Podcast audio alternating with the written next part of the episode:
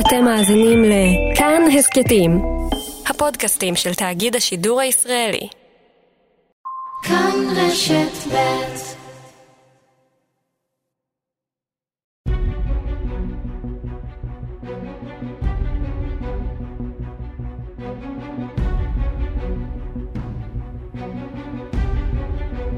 כנסת נכבדה, 70 שנה לכנסת. עורך ומגיש איזי מן.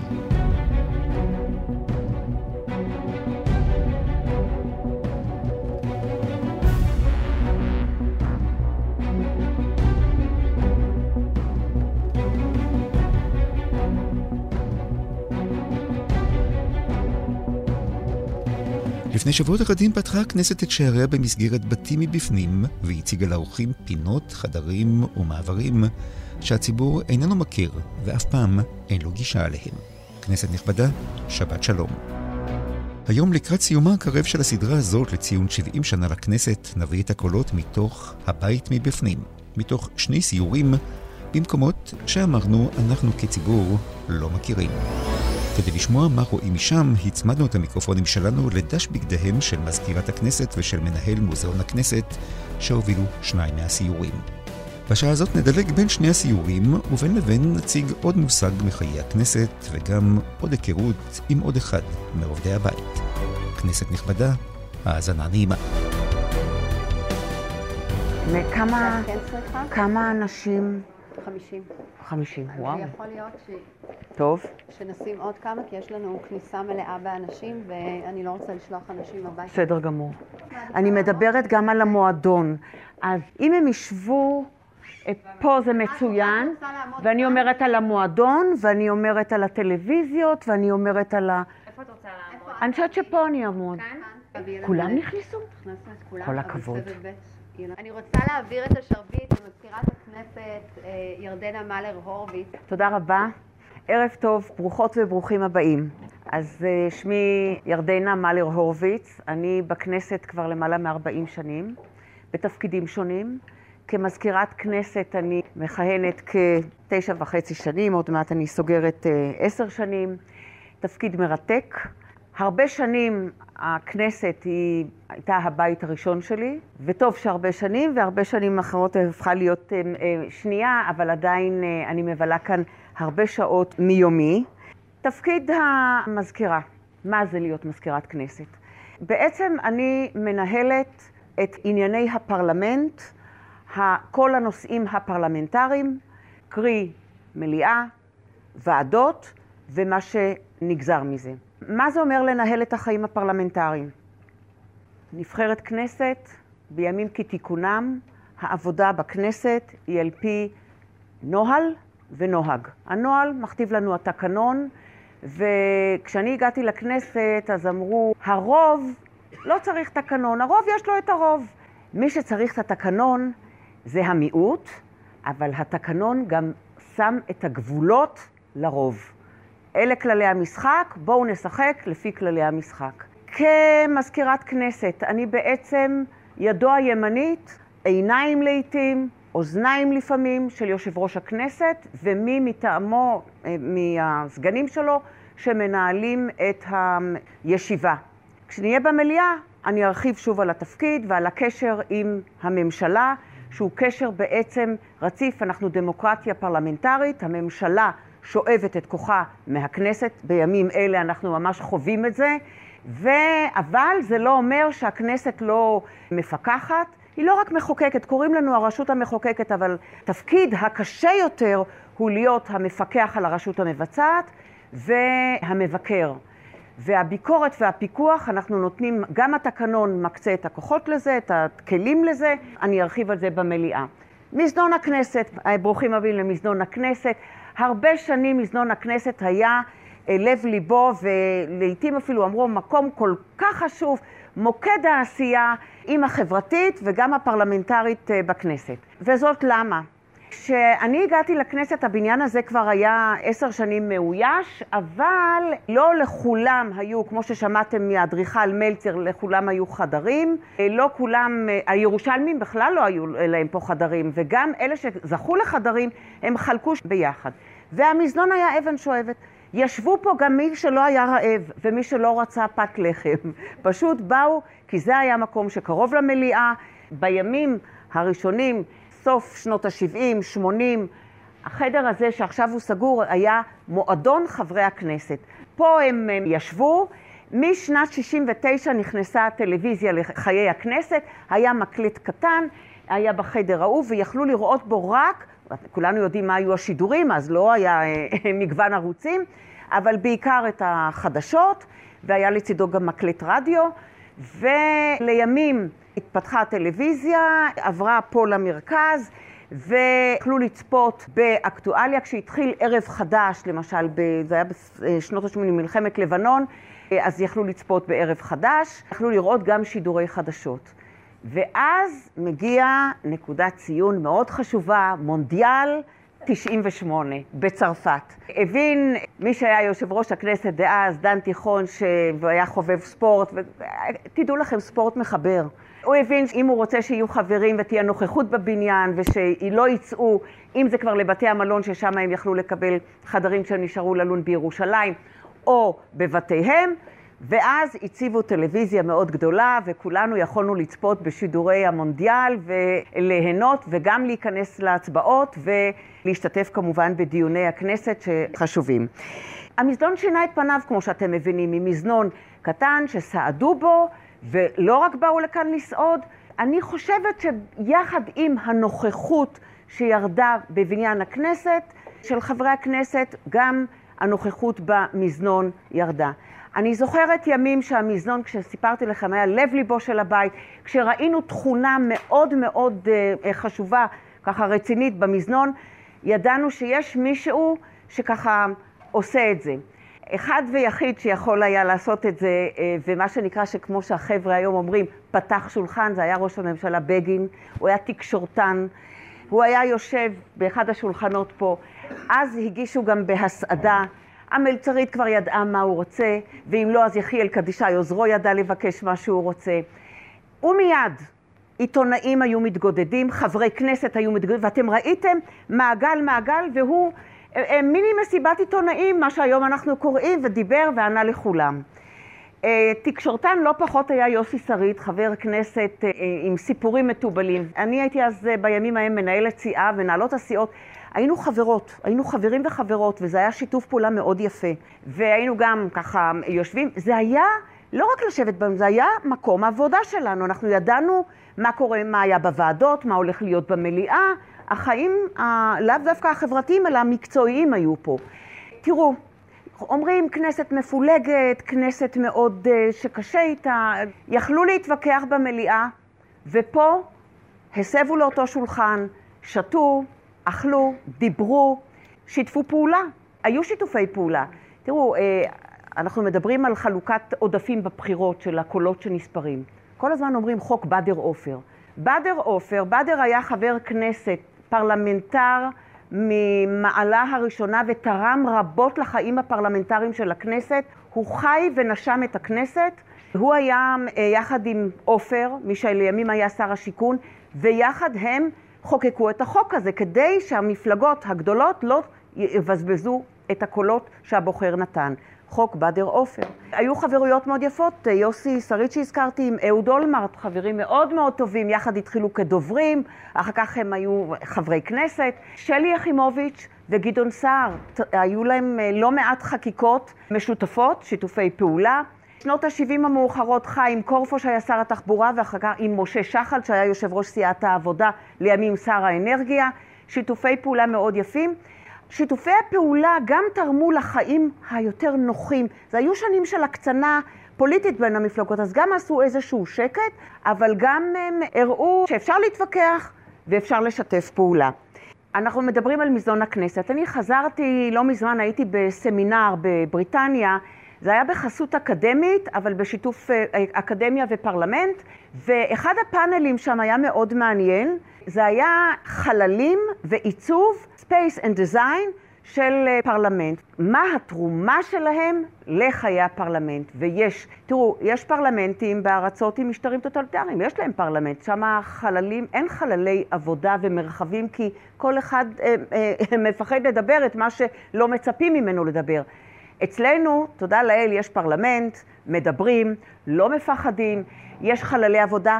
המזנון בראשיתו היה סוג של חלל עבודה כזה. כשאנחנו נעבור לפרסה, זה סוג חלל עבודה שני. דיבר נחום מלצר על אגף הוועדות. באגף הוועדות, אתם תראו, יש שם הרבה חללים, לאו דווקא בתוך הוועדה, שמאפשרים לחברי כנסת גם להתחכך עם מבקרים בכנסת, גם לדבר בינם לבין עצמם ולא בחדר הוועדה, ויותר מזה, בחדר הוועדה יש חדר צדדי.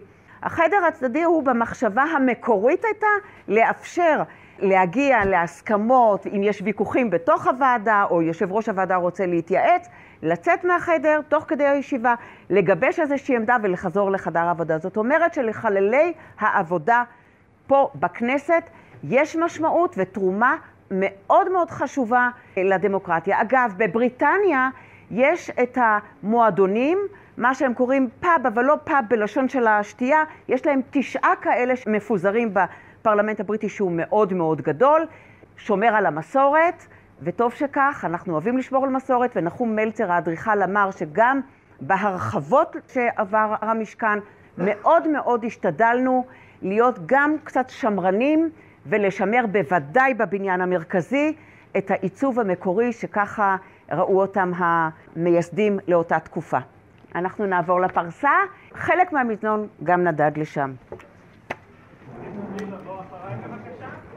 אני עובדת פה תשע שנים, ואף כן, לא שמעתי אותך במרכז מבקרים. אז כיף. הנה, תודה.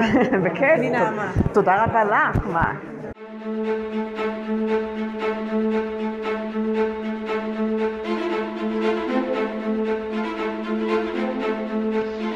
אחוז החסימה הוא שיעור הקולות המינימלי מכלל המצביעים בבחירות הדרוש כדי לקבל ייצוג פרלמנטרי. כיום, אחוז החסימה בבחירות לכנסת הוא 3.25%, כלומר, רשימת מועמדים חייבת לקבל לפחות 3.25% מקולות הבוחרים כדי להיבחר לכנסת. קולות שקיבלה רשימה שלא עברה את אחוז החסימה הולכים לאיבוד. עד הבחירות לכנסת ה-13 בשנת 1992 הייתה רשימה חייבת לקבל לפחות אחוז אחד מקולות הבוחרים הכשרים כדי להיבחר. לקראת הבחירות לכנסת ה-13 הועלה אחוז החסימה ל-1.5%. במאי 2004 בכנסת ה-16 הועלה אחוז החסימה ל-2%. וב-11 במרץ 2014 בכנסת ה-19 הוא הועלה לשיעור הנוכחי. מושג מחיי הכנסת, תמר פוקס, מנהלת מרכז המבקרים.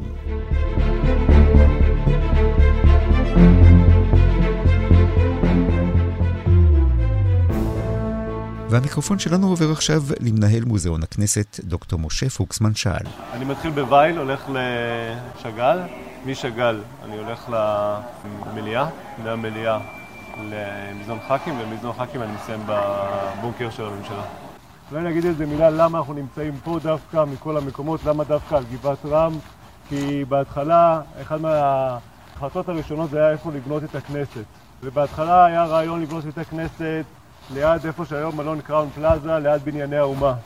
ואחר כך היה רעיון לבנות את הכנסת באזור קצת יותר קדימה איפה שהיום בית המשפט העליון, ובסוף הוחלט על הגבעה הזאתי, כי אמרו שהגבעה הזאתי מעל משרדי הממשלה, רצו להוכיח שהכנסת היא הריבון, היא צריכה להיות מעל משרדי הממשלה, ולכן נבחרה הגבעה הזאתי, והמיקום הזה, המיקום הזה קצת בעייתי, בגלל שאנחנו חושבים על 66, שהכנסת נפתחת, אנחנו מדברים על לפני מלחמת ששת הימים, הירדנים מסתכלים על הכנסת מאוד יפה מכיוון גילו, מכיוון מזרח, והיא מאוד בולטת, ולכן חלק מההחלטות שקיבלו זה היה ברגע האחרון להזיז את הכנסת. הכנסת הייתה אמורה בכלל להיות לכיוון מזרח ולהיכנס מלמטה ולעלות למעלה, וברגע האחרון, מבחינה בא הרמטכ"ל ואמר בשום פנים ואופן לא ייתכן שהירדנים יראו כל מי שנכנס לכנסת, כל המצעדים, כל הקבלות פנים החגיגיות שנערכות כאן ולכן מזיזים אותנו, את הכנסת ברגע האחרון, מזיזים את האדריכל את הדגם שלו ובעצם מעבירים אותו לכאן, לכן גם הפתח, יש הרבה ביקורת על הפתח שממנו יצאנו ואנחנו ניכנס אליו, שזה כמו, מישהו אמר שזה כמו מאורת עכבר. אתה נכנס כאילו מתחת, נכון, כמו שאנחנו רואים מתחת לרצפות וכולי נכנסים, אז ככה הם תראו את זה, זה היה רגע, ברגע האחרון.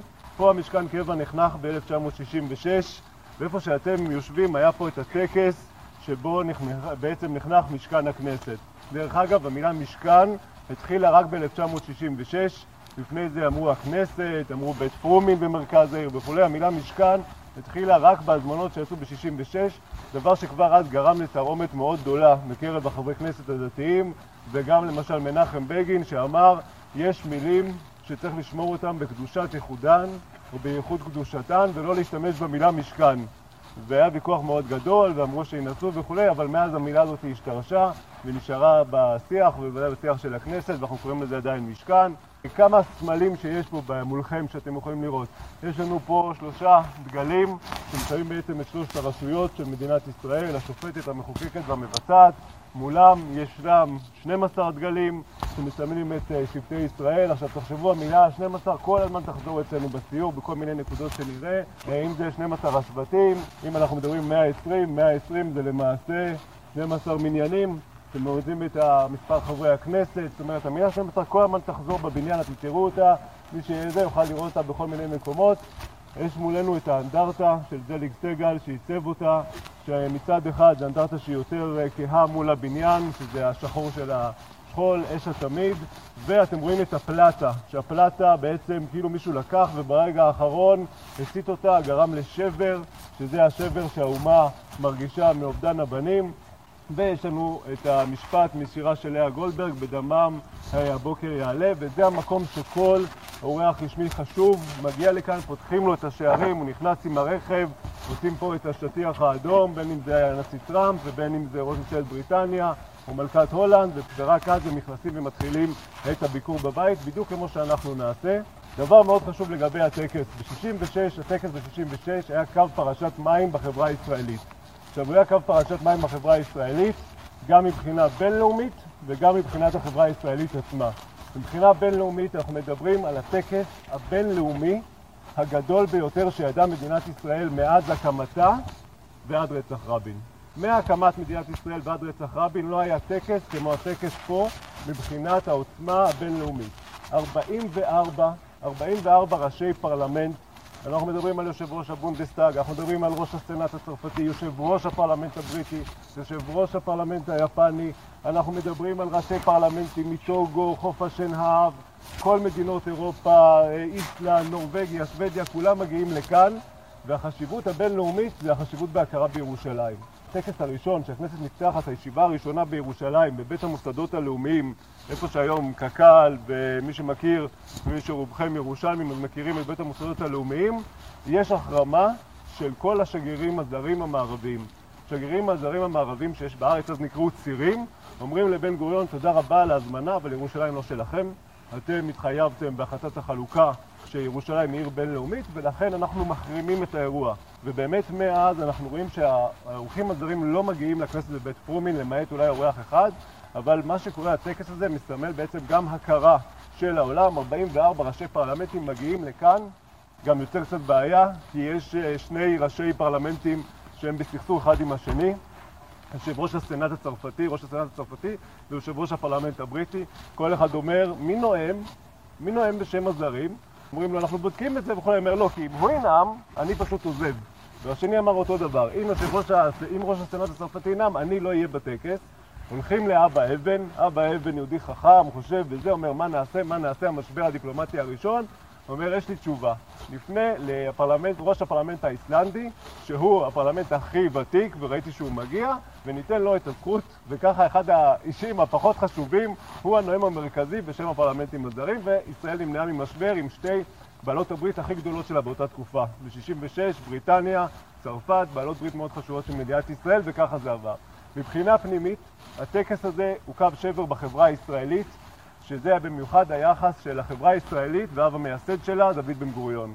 הוא מקבל את הכסף, את ההודעה על זה שיש אה, בצבאה של לורד רוטשילד, יש כסף לבניית הכנסת, כי עד אז לא היה את הסכום, והוא זה שמעורב בבנייה וכולי, משרד העבודה וכולי, הוא מחליט מי בונה ואיך בונים והכל, ודווקא אותו דוד בן גוריון לא מוזמן לטקס. ויש פה פרידה של הממלכתיות הישראלית מדוד בן גוריון.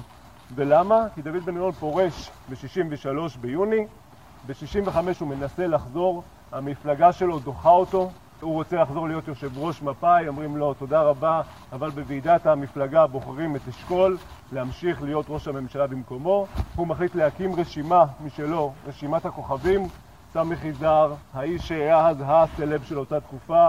אנחנו מדברים על שמעון פרס, אנחנו מדברים על משה דיין, הרמטכ"ל, האיש השרמנטי שכולם מריצים אותו, רשימה שסוגר אותה נתן אלתרמן. באמת רשימת הכוכבים הוא מגיע רק לעשרה מנדטים. ולמעשה גם מבחינה פוליטית הוא מאבד את האהדה של הציבור, ואז כשמגיעים לפה לטקס, הוא שואל מה התפקיד שלי, מה אני אמור לעשות בטקס, אז קדיש לוז, היושב ראש הפרלמנט, אומר, אוקיי, אז יש להדליק משואה, אתה יכול להדליק משואה. אומר, להדליק משואה, אני, מה זה ל"ג בעומר, להדליק משואה, לא תודה, אני מוותר על הכבוד. הטקס פה כולו מסודר, הכיסאות וכולי. חמש דקות לפני תחילת הטקס, שרשום בן גוריון בחזית בכיסא, בן גוריון מחרים את הטקס, הוא אומר תודה רבה, אומר לנהג שלו חוזרים לתל אביב, ואז כל האנשים שמדברים, אומרים ראש הממשלה בן גוריון, ראש הממשלה בן גוריון, כולם מתכתבים והכיסא ריק. וזה בעצם הפרידה של הממלכתיות הישראלית מדוד בן גוריון, שאחר כך כמובן פורש לשדה בוקר, מנסה עם עוד רשימה ועוד זה ולא מצליח. עוד דבר מאוד מעניין שהבאתי מעין אה, אנקדוטה, שהכנסת נפתחה ב-66 כל הארץ מלאה במודעות. מלא כל העיתונות, כל מי ששם פה איזשהו חלון, אמר אני מברך את הכנסת ומודה לה על זה שהשתמשו בחלונות שלי. מישהו שם פה בלטה, אני מברך את הכנסת ומודה. אה, כל ועדת הפועלות בקריית אתא מברכת את הכנסת ומקווה שתחוקק יפה. כל אחד, ממש כל הארץ מלאה במודעות. אבל כמו הסיפור על היפיפייה נרדמת, עושים לה מסיבה להורים שלה ומזמינים את כולם, חוץ מאת המכשפה הרעה שבאה והורסת את המסיבה, אז גם כאן, ביום פתיחת הכנסת, בעיתון דבר, מפרסמת מודעה על רבע עמוד שהבאתי לכם, מודעה של ועד הפועלים היציבים של סולל בונה, שזה בעצם האנשים בעלי הקביעות, אז לא אומרים קביעות, אלא אומרים ועד הפועלים היציבים, והם מברכים את הכנסת ואת החבר, קדיש לוז, ביום פתיחת הכנסת, ביום פתיחת המשכן, ומברכים את סולל בונה ואת הפועלים שבנו והקימו, ומוחלים על כך שלא קיבלו הזמנה לטקס הפתיחה. והמודעה מופיעה בעמוד הראשון, באחד העיתונים הכי נפוצים במדינת ישראל, עיתון דבר. בעדה שלי אומרים, בעדה הפולנית אומרים נכתב בפינה בחושך, המודעה הזאתי, אז זו המודעה שהתפרסמה, הכניסו את זה בקטן, להזכיר למה הם לא קיבלו הזמנות, דבר שכל הזמן אנחנו אומרים הרי בטקסים לא קיבלו הזמנות, מי מקבל את ההזמנות להשגת המשרות? אז כבר ב-66 באמת כבר זה היה אז. אז אני מציע שעכשיו אנחנו נתקדם פנימה, בתוך הבניין, קצת גם נתחמם. כנסת נכבדה. מאה עשרים פלוס, האנשים שמאחורי חברי הכנסת. שלום רב, שמי אלון יעקב ואני ראש תחום בכיר בטיחות במשכן הכנסת. במסגרת תפקידי, אני אחראי כללי הבטיחות במשכן הבית ומעביר הדרכות והסברות לעובדי הכנסת ומשמר הכנסת.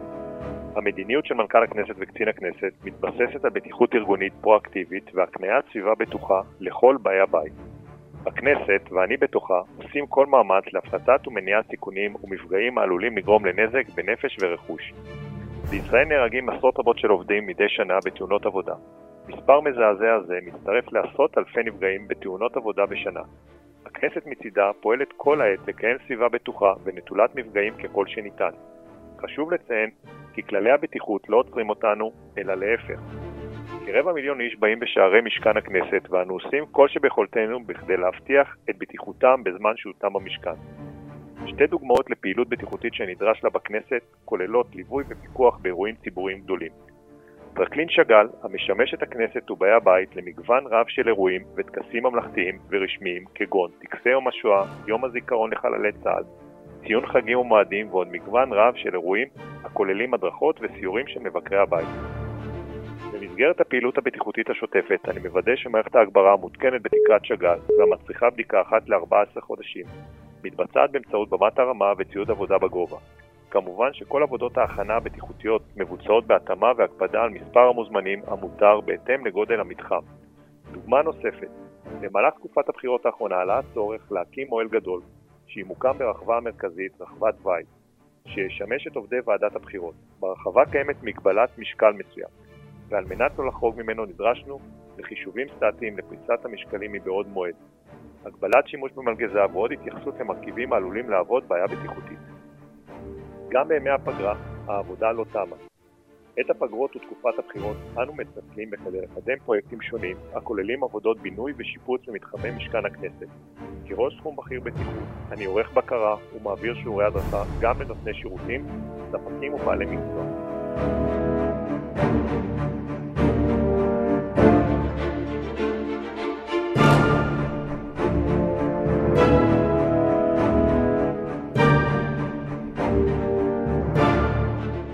אוקיי, אז הגענו לפרסה. הפרסה זה מושג בכנסת, וכשמה כן היא, כי אם אתם תראו את הצורה שלה, היא בצורת פרסה.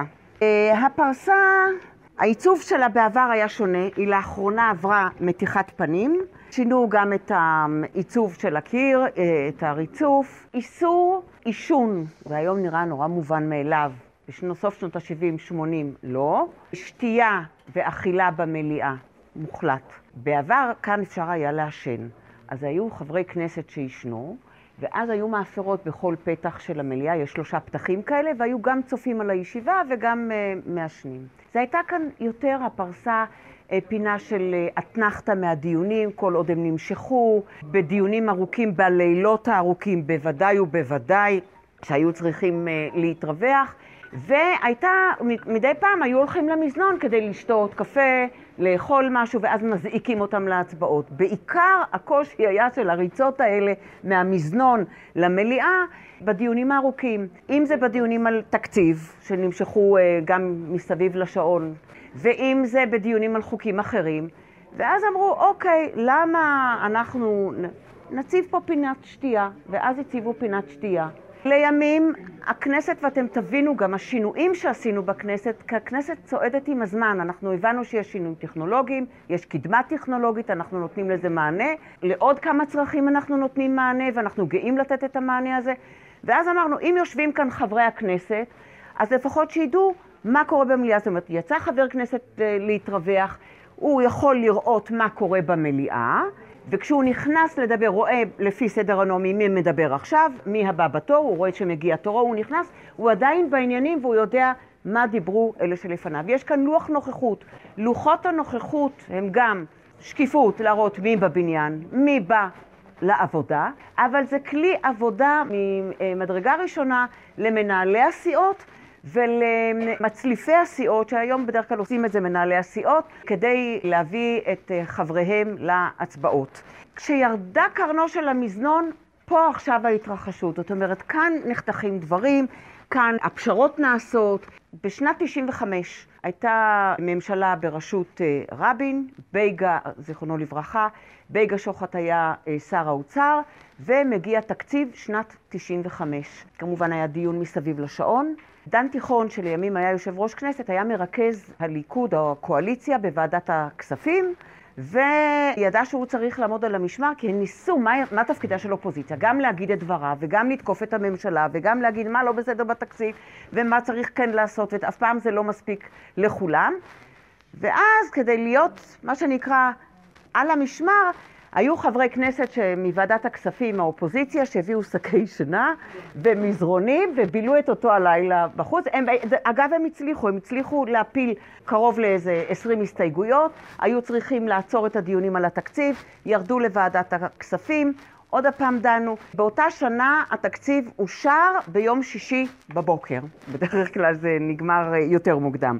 שוב, דיברתי על חלל לא פורמלי, זה סוג החללים של המפגשים הלא פורמליים. יכולים לריב בפנים, יכולים להתווכח. את הפשרה, את הסולחה, את הצ'פחות עושים כאן. אני אספר לכם משהו שאני חוויתי, אני ישבתי בפנים. השנה היא 2012, מאי 2012, משבר, מחליטים לפזר את הכנסת. אקטואליה. דיון על פיזור הכנסת, וזה פיזור הכנסת ה-18. אני יושבת בפנים, בדרך כלל כשמפזרים כנסת זה הולך מהר, זה לא דבר ש... די, כולם כבר מסכימים שזהו, זה יוצאים לבחירות ולא מושכים את הדיון. יושב ראש הכנסת דאז היה מי שהיום מכהן כנשיא המדינה, אה, ראובן רובי ריבלין, שמבין משהו וחצי דבר בפרלמנטריזם. פתאום הוא הגיע, כבר היה שתיים לפנות בוקר, אולי אפילו שלוש, מאוד מאוחר לפנות בוקר. הוא מגיע אליי למליאה, אני יושבת, והוא ככה ניגש ואומר לי, מה קורה? הייתי כבר מזכירת כנסת, מה קורה? למה, מה, מה קורה? אמרתי לו, תשמע, נורא מוזר. החוק בוועדת כנסת, הכנה לקריאה שנייה ושלישית, אומרים לי שמכינים המון הסתייגויות. עכשיו, הוא הסתכל עליי, ככה, אני יושבת למעלה, ואומר לי, עברו עם הגלגלים, הוא אומר, מישהו לא רוצה בחירות? אמרתי לו, אני לא יודעת. הוא יוצא פה מהפתח הזה, לפרסה, בודק עם מי שבודק, וכאן הייתה המולה וכולם חיכו שהגיע החוק חזרה מוועדת הכנסת. נכנס, עומד בפתח של זה ומסמן לי, לא רוצה. וכעבור שעה הפסיקו את הדיון והודיעו לי שכנראה מופז נכנס, לא כנראה, נכנס לממשלה, והממשלה בבוקר יבואו, אה, הגיעו אליי דליה איציק וזאב אלקין עם קווי יסוד חדשים של הממשלה והסכמים קואליציוניים חדשים. זה החזיק מעמד שלושה חודשים ויצאו לבחירות. אבל לפרסה וליחסי גומלין של המליאה עם הפרסה זו הייתה דוגמה קלאסית. אה, אסור לעשן אמרתי, אבל שם בקצה סגרו פינת עישון, שזה בהתאם לחוק, אז אם uh, המכורים יכולים uh, לעשן שם. אז זהו. אבל אנחנו משתדלים לשמור פה על אוויר נקי. כנסת נכבדה.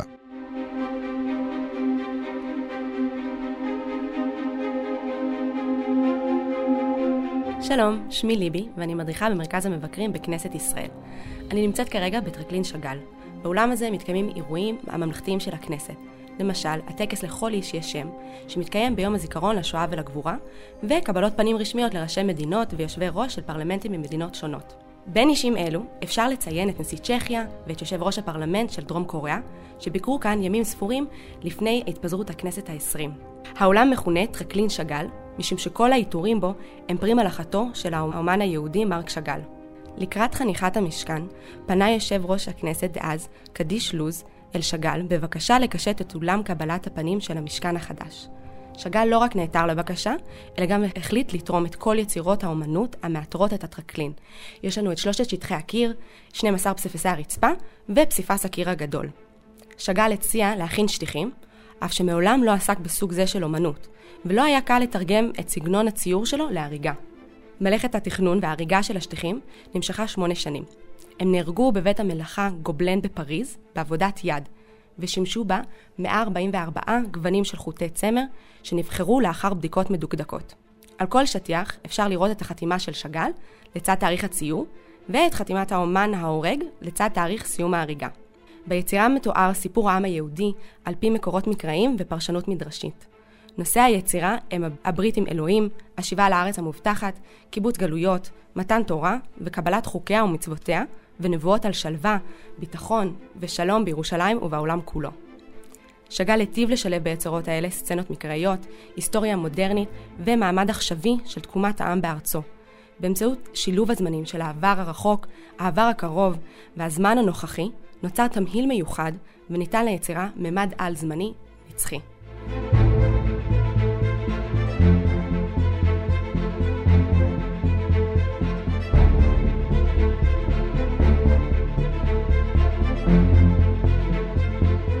לי פה איזו תמונה מאוד יפה שרציתי להראות לכם, שזה התמונה מהטקס שבו בעצם חשפו את השטיחים, ואתם רואים שם את מרק שאגאל יושב ליד גולדה מאיר,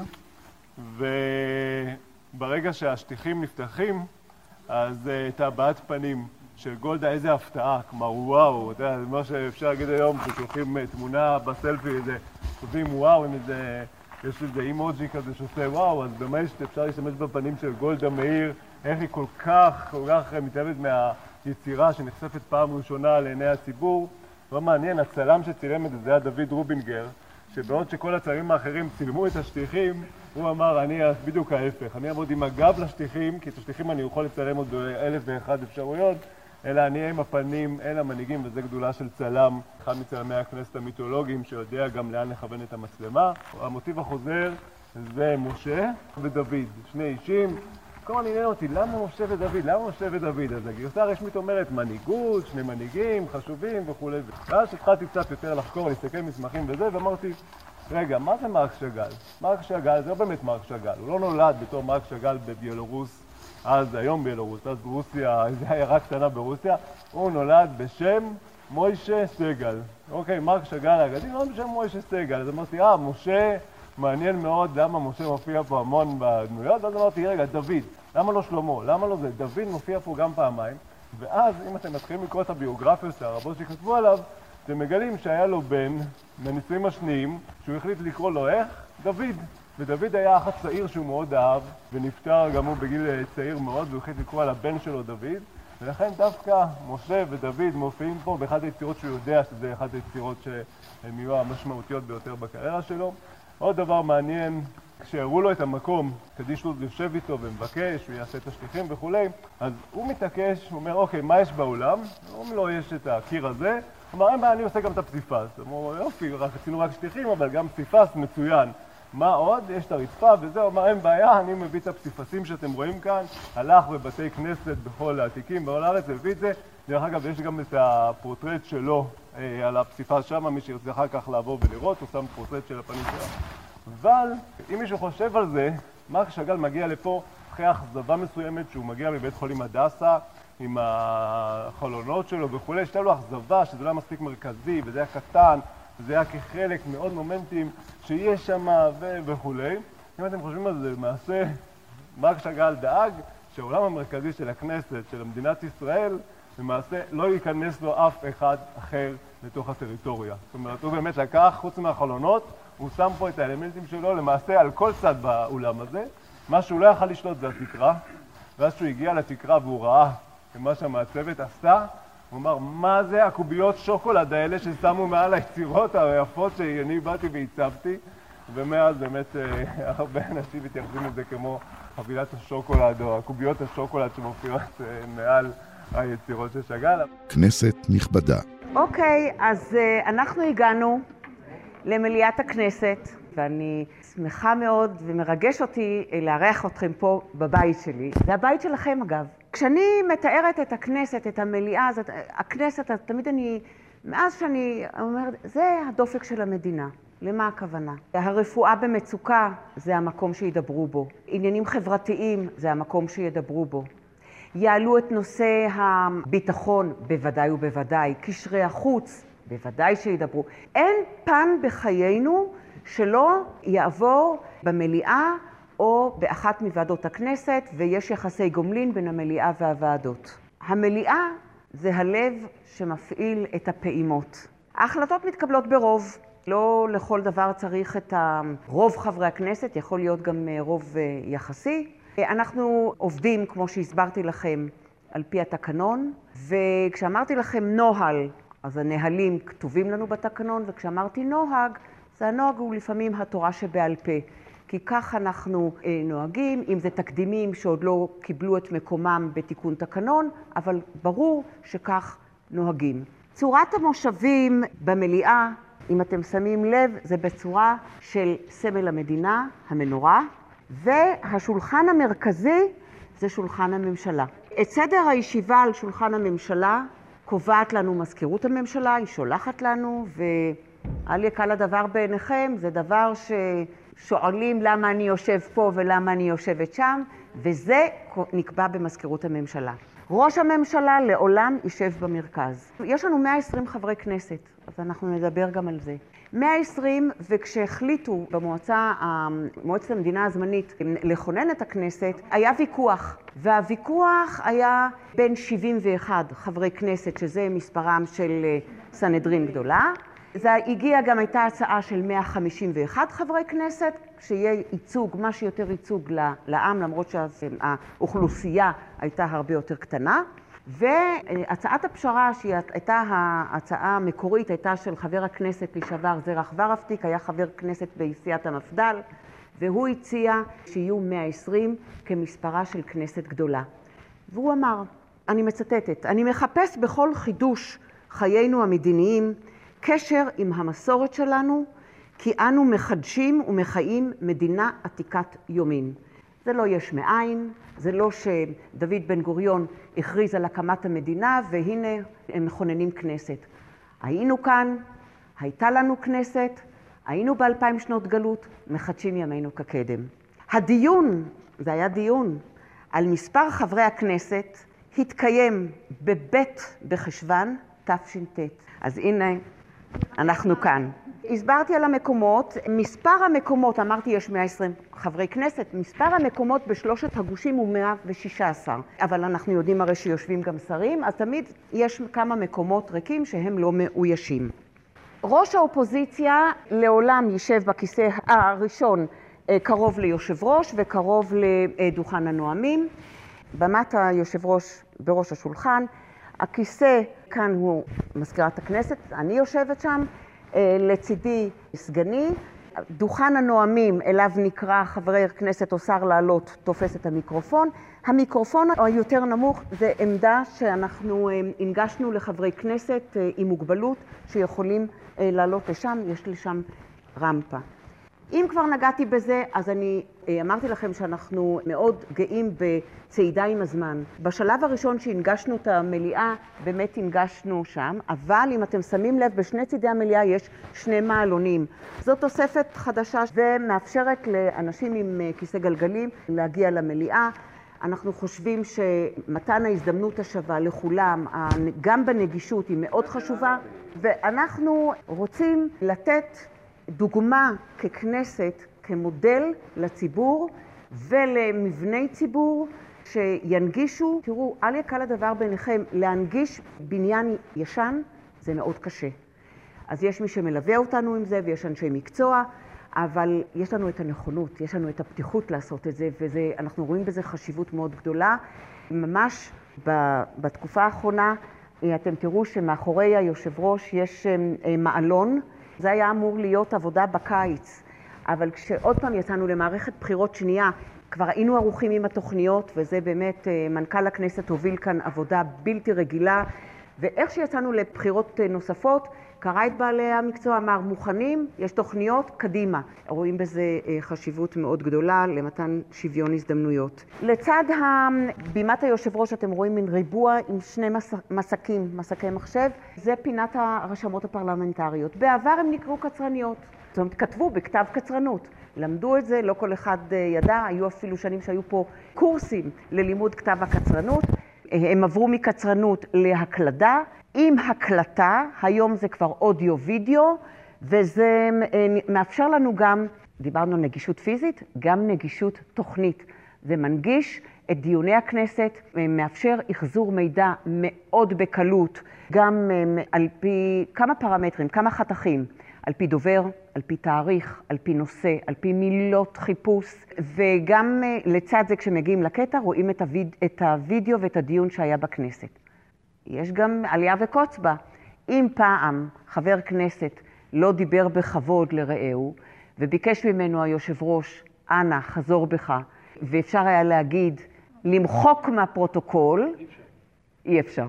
היום, ולכן אנחנו מאוד משתדלים, מאוד מבקשים שחברי כנסת אה, ייזהרו בדבריהם, כי אי אפשר למחוק את זה. זה מופיע. אה, אנחנו התקדמנו והיום עובדים ברישום של הסטנוגרמה, של הפרוטוקול, גם עוברים לזיהוי קולי, וזה דבר שכבר נעשה בכמה פרלמנטים באירופה, זה נעשה בגרמניה וזה נעשה באיטליה. יש עוד כמה שלבים לעבור, כי יש קושי ויצטרכו גם לעשות טיוב למה שהזיהוי הקולי יגיד, כי אם אומרים יוסי ואפשר לקלוט את זה כיופי, אז אה, יש אה, דוגמאות יותר פרלמנטריות, אנחנו עובדים על זה ואנחנו בדרך הנכונה, וזה הולך לקראת זה, וכמו שאמרתי לכם, הכנסת צועדת עם הזמן ולא קופאת על שמריה. מאוד אה, התקדמנו ומאוד, אנחנו נחשבים גם בעולם כפרלמנט מאוד חדשני ושמאמץ חדשנות, וזה חשוב לנו. אה, אני דיברתי על הנגשת החומר, אז אני אגיד ככה, העבודה הפרלמנטרית היא עבודה קשה. לבוא לכנסת, להיות חבר כנסת, זו עבודה.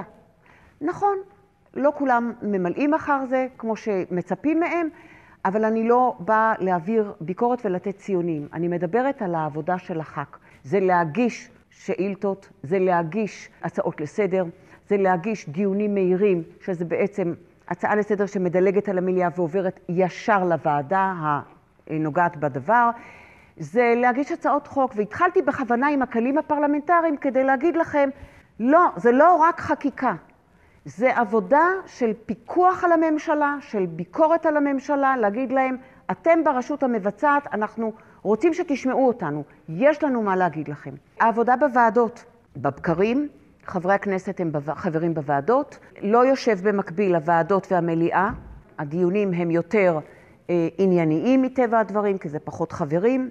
רק רציתי שתדעו שיש יחסי גומלין. למשל, הישיבות בימי שני ושלישי נפתחות עם כלי פרלמנטרי יוצא מן הכלל, נאומים בני דקה. נאום בן דקה ב-60 שניות יכול להגיד חבר כנסת, ואפשר להגיד הרבה ב-60 שניות. יש ארבעה מיקרופונים בפינות האולם, היושב ראש נותן את רשות הדיבור, יכולים לדבר על פניית ציבור שהם קיבלו, על עוולה מסוימת שהם נחשפו אליה, על דבר טוב שהם נחשפו אליו בוועדה, או הישג שהיה בוועדה, או משהו שלא הגיע לפתרון, ויש להם ביקורת על הממשלה והם כן רוצים להגיד את זה פה. תראו, אה, היה, אנחנו מציינים ימים מיוחדים בכנסת, ובימים מיוחדים זה יום שמתחיל עם אירוע ומציינים למשל יום האוטיזם. אנחנו נציין בסוף נובמבר את יום, את ציון יום למניעת אה, אלימות נגד נשים, זה תמיד כל שנה ב-25 בנובמבר, שזה יום מאוד חשוב. חברי כנסת, למשל, כשהיה דיון על האוטיזם, אמרו, אנחנו רוצים לעשות העצמה לנושא. זה נידון בוועדה, בכמה ועדות. אה, נפתחה הישיבה, הם התארגנו ביניהם, וכל אחד מהם דיבר על האוטיזם מנקודת ראותו, ואחר כך היו הצעות לסדר. זאת אומרת שאפשר בכלים הפרלמנטריים לעשות העצמה. כנסת, אבל פרלמנט. והפרלמנט בלעז נגזר מהפועל פרלה. הפרלה זה הביקורת, זה הבקרה, זה הפיקוח, זה הלדבר. מטוב עד רע, וזה בסדר.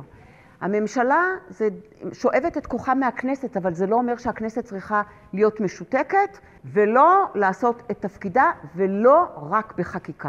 שידורים ישירים, אני אמרתי שאנחנו מנגישים ואנחנו עם שקיפות, כי חשוב שאתם, הציבור, אנחנו בבתים, ידעו מה עושים כאן נבחרי הציבור, האנשים שבחרתם אותם ושלחתם אותם לבית היקר הזה. מ-95 יש כבר שידורים מהכנסת, בהתחלה זה היה בליווי של הערוץ של הטלוויזיה הלימודית, החינוכית. לאחר מכן אה, יצאנו לעצמאות שלנו של ערוץ הכנסת. אם אתם תראו, יש חמש מצלמות שמצלמות ושידור ישיר. שידור ישיר יש גם מהוועדות באינטרנט ויש גם ועדה משודרת, ואם רוצים לצפות בשידורים של ועדה שלא יכולנו, אפשר לעשות אחזור לפי הנושאים שהיו בוועדה ולצפות. אנחנו אה, מנגישים את המסמכים דרך הפורטלים. חשוב לנו, חשוב לנו שקיפות. כאן יש שלושה תאים וכאן יש שלושה תאים, שישה במספר זה תאי יועצים, כשהשרים, קודם כל, מנהלי הסיעות, דוברי הסיעות, יועצים של שרים, מי שמלווה את ראש הממשלה, יושבים כאן. הייתה זירת העבודה שלי בתפקידים קודמים מקום מאוד מאוד חשוב. תראו, אני רוצה להגיד לכם, כשפותחים ישיבת כנסת, אז רואים את חברי הכנסת כמובן, הריבון, רואים את היושב ראש או מי מסגניו, רואים אותנו. אבל יש גם מאחורי הקלעים של הכנסת. ומאחורי הקלעים של הדמוקרטיה זה לא רק הפשרות שמשיגים או ההישגים שמשיגים בפרסה או במזנון או בחדרי הוועדות. זה אנשים שמניעים תרתי משמע את הדמוקרטיה. זה סדרנים, ואתם נכנסתם היום ואתם נתקלתם בסדרנים ובאנשי משמר, שאפשרו לכם את הכניסה החלקה לכאן. זה לא פשוט, זה מערכת שלמה שעובדת על זה. מעט מאחורי הקלעים של הדמוקרטיה הישראלית, קולות מתוך בתים מבפנים, הכנסת מבפנים, כפי שרק פעם בשנה, והשנה בשנת ה-70 בפעם הראשונה, אפשר היה לראות. כנסת נכבדה, אנחנו נהיה כאן שוב בעוד שבוע בדיוק. כאן איזימן, עורך ומגיש, שבת שלום.